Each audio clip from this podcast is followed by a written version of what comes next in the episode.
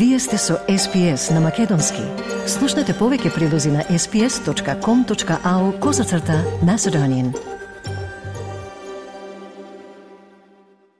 Денешниот билтен Израел ја негира одговорноста за воздушен напад врз болница во Газа за кој Хамас вели дека загинале стотици.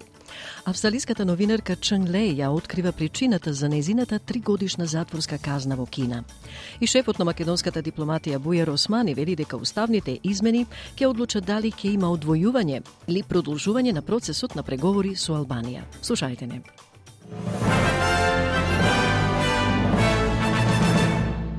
Квинсленд останува под екстремно предупредување за пожар, а жителите во регионот Гладстен беа предупредени за опасен пожар утрово.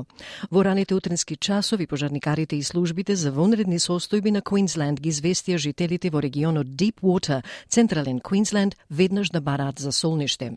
Последователното предупредување го намали предходното предупредување за вонредни состојби на Watch and Act.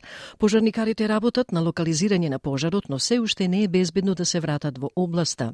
Властите за вонредни состојби рекоа дека друг значаен пожар со кој се справуваат против пожарните екипи бил лоциран во Грейсмија во близина на Рокхемптон и 1400 работници на млечната индустрија во Викторија ја напуштаат работата во според организаторите досега најголемиот штрајк во овој сектор. Персоналот нема да се појави во првата смена на 13 регионални и метролокации низ државата и се очекува да штрајкува 48 часа барајќи подобри плати и услови. Четири главни производители на млечни производи Фонтера, Сапуто, Лакталис и Пита се погодени од акцијата, при што синдикатот United Workers Union вели производителите не им понудили на работниците правични плати и услови во услови на зголемени трошоци за живот. Четирите компании преземаат мерки за да ги уверат клиентите дека ќе има минимални прекини во производството. Израел ја отфрли одговорноста за воздушниот напад врз болница во градот Газа, во кој здравствените власти на Хамас велат дека загинале стотици луѓе. Министерството за здравство во Газа, кое го води Хамас, вели дека најмалку 500 луѓе се убиени во нападот на баптистичкиот манастир Ахли Араби на 17 октомври. Израел вели дека работи на потврдување на нападот, кој би бил убедливо најсмртоносниот воздушен напад на израелската одбрана во петте војни од 2008 година, но посочи дека причината е неуспешно лансирање ракета од милитантите на исламскиот джихад. Палестинскиот представник во Обединетите нации Риад Мансур изјави дека верува оти Израел е одговорен и повика на прекин на огнот во конфликтот. Those responsible for this crime should face justice and should face accountability. We as an Arab group demand immediately a ceasefire Ова доаѓа во време на одмазнички мерки на израелските сили по нападите на милитантите на Хамас во кои загинаа најмалку 1400 луѓе во Израел, што доведе до смрт на најмалку 3000 луѓе во Газа. Повеќе австралици се очекува наскоро да се вратат дома од Израел по емотивните собери на аеродромот во Сиднеј, додека владата се обидува да обезбеди враќање и на другите кои не можат да го напуштат појасот Газа. Авион на Катар Airways од Дубај со повеќе од 200 луѓе слета во Сиднеј во вторникот вечерта. Некои од нив беа собрани од Израел со владени летови во понеделникот, додека други заминаа од Телавив викендот. Авионот на Qantas со уште 200 луѓе се очекува да пристигне во среда навечер. Даг Стивенс и неговата сопруга, кој пристигна со летот на Катар Airways, изјавија дека престојот во земјата за време на конфликтот е надреално искуство. It was just amazing where laying in our hotel room and missile landed about 150 metres away from us. But Iron Dome is absolutely amazing. It was taken down 98% of them. You could Најмалку 45 австралици остануваат заглавени во Газа со ограничен пристап до вода, електрична енергија, гориво и храна, откако Израел воведе целосна блокада по нападите на милитантната група Хамас од територијата на 7 октомври. Австралиската новинарка Чунг Лей откри дека била затворена во Кина речиси три години откако го прекршила ембаргото со споделување на владиниот брифинг за медиумите. Мајката на две деца од Мелбур, која беше уапсена во август 2020 година и држена во кинески затвор две години и 11 месеци, го даде своето прво интервју откако се врати дома во Австралија минатата недела на 11 октомври. Поранешната водителка на државната кинеска глобална телевизиска мрежа беше обвинета за прекршоци поврзани со националната безбедност, но околностите околу незиното приведување не беа објавени до сега. Господјата Чонг за Sky News изјави дека, иако го прекршила ембаргото за само неколку минути, во Кина ова се уште представува голем греф. You have hurt the motherland and that state's authority has been eroded because of you. I mean, what seems innocuous to to us here is, and I mean, I'm sure it's not limited to embargoes, but many other things yeah. are not in, in China. Премиерот Антони Албанезе вели дека не е знак на почит кон луѓето од првите нации да се очекува следните чекори кон помирување да бидат формулирани во рок од неколку дена по резултатот од референдумот домороден глас до парламентот. Тој возврати на тврдењата на опозицијскиот лидер Пит Датен дека премиерот ја игнорирал децениската работа на домородните австралиски застапници. Новата анализа објавена денеска од Австралиската изборна комисија се чини дека го оправдува инсистирањето на владата дека референдумот глас се е она што го сака заедниците на првите нации. Податоците покажуваат дека од 10 подрачја на гласачките места за референдумот со највисоко домородно население, 9 од нив гласале за. Господинот Албанезе вели дека неговата влада останува посветена на напорите за помирување, но прерано е да се детализираат овие планови. The uh, Uluru statement from the heart was developed over decades. The expectation that uh, the next step should be developed over days is not respectful and it's not one that I will engage in. Uh, we'll continue uh, to show respect. Uh, we'll take the time to do that. Our commitment to listening to Indigenous Australians is undiminished. Our commitment to closing the gap is undiminished.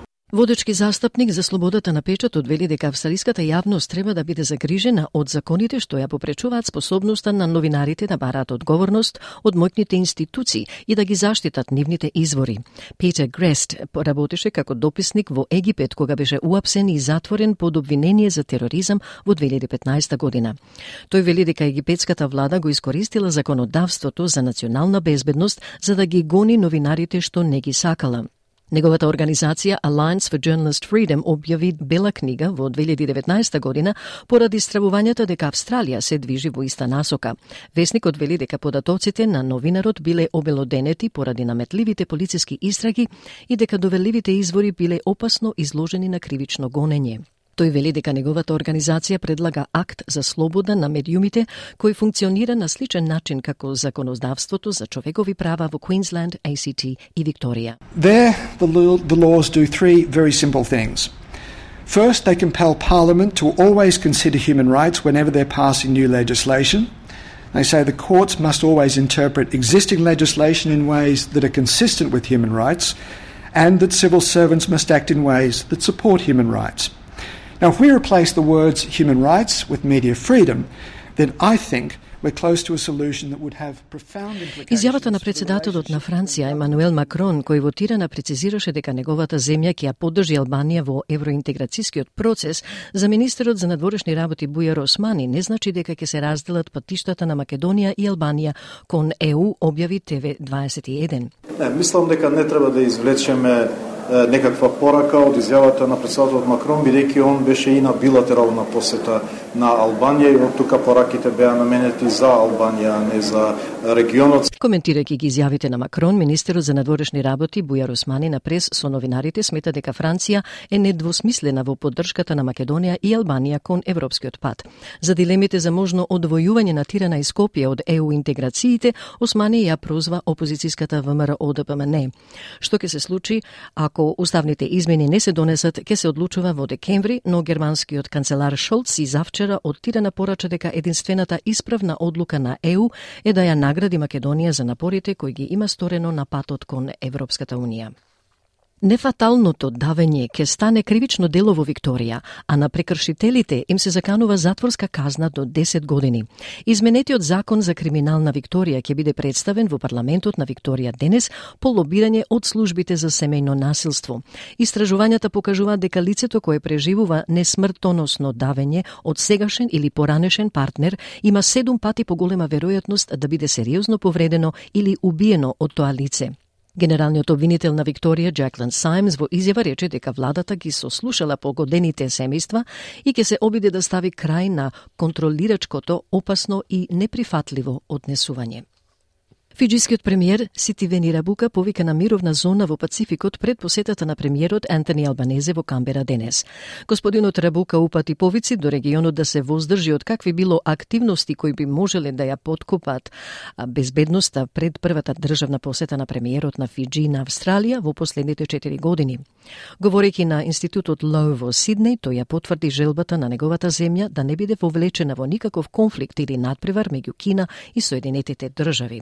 Господинот Рабука го искористи својот говор во австралискиот think tank за да се заложи за мир, велики дека Фиджи се надева дека ќе одржи топли срдечни односи со двете нации. Специјалниот известувач на Обединетите нации за трговија со луѓе вели дека треба да има поголема одговорност за трговијата со луѓе поврзана со конфликти. Шевон Малели вели дека вооружениот конфликт е клучен фактор за трговија со луѓе и дека вооружени групи и криминални мрежи често се занимаваат со трговија со луѓе во постконфликтни ситуации и услови на транзиција. We continued to see impunity and the consequence of that is a failure to ensure access to justice for victims and to effective remedies and in particular continued failures of prevention um, of trafficking in persons in armed conflict. И фудбалерите на Австралија го победија Нов Зеланд со 2-0, со што се овозможи да го задржи 100 годишниот трофеј Anzac Soccer Ashes, кој неодамна беше откриен во гаража во Квинсленд по исчезнувањето од средината на 1950-тите. Хари Сута и Джексон Ирвайн ги постигнаа двата гола, а Масимо Луонго, кој повторно влезе во тимот по 5 годишно одсуство, заканал од 9 изјави дека играше со големо задоволство. Just, I just enjoyed it from minute one. I just went out there. I wasn't nervous. I wasn't building it up in my head or anything. I just felt, oh, this is nice. It was nice. It felt like I'm back home, but obviously I'm in England, but second home to me. И од најновата курсна листа денеска еден австралиски долар се менува за 0,60 евра, за 0,63 американски долари и за 36,73 македонски денари, додека еден американски долар се менува за 58,04 македонски денари, а еврото за 61,17 македонски денари. И времето за утре во Перт сончево 25, Аделаид сончево 30, Мелбун исто сончево 26, Хобарт претежно сончево 23, а во Камбера расчистување на облачноста 24, Сиднеј делумно облачно 23 и стои Бризбен делумно облачно 26. Во Дарвин сончево 35, Алис Спринг сончево 34.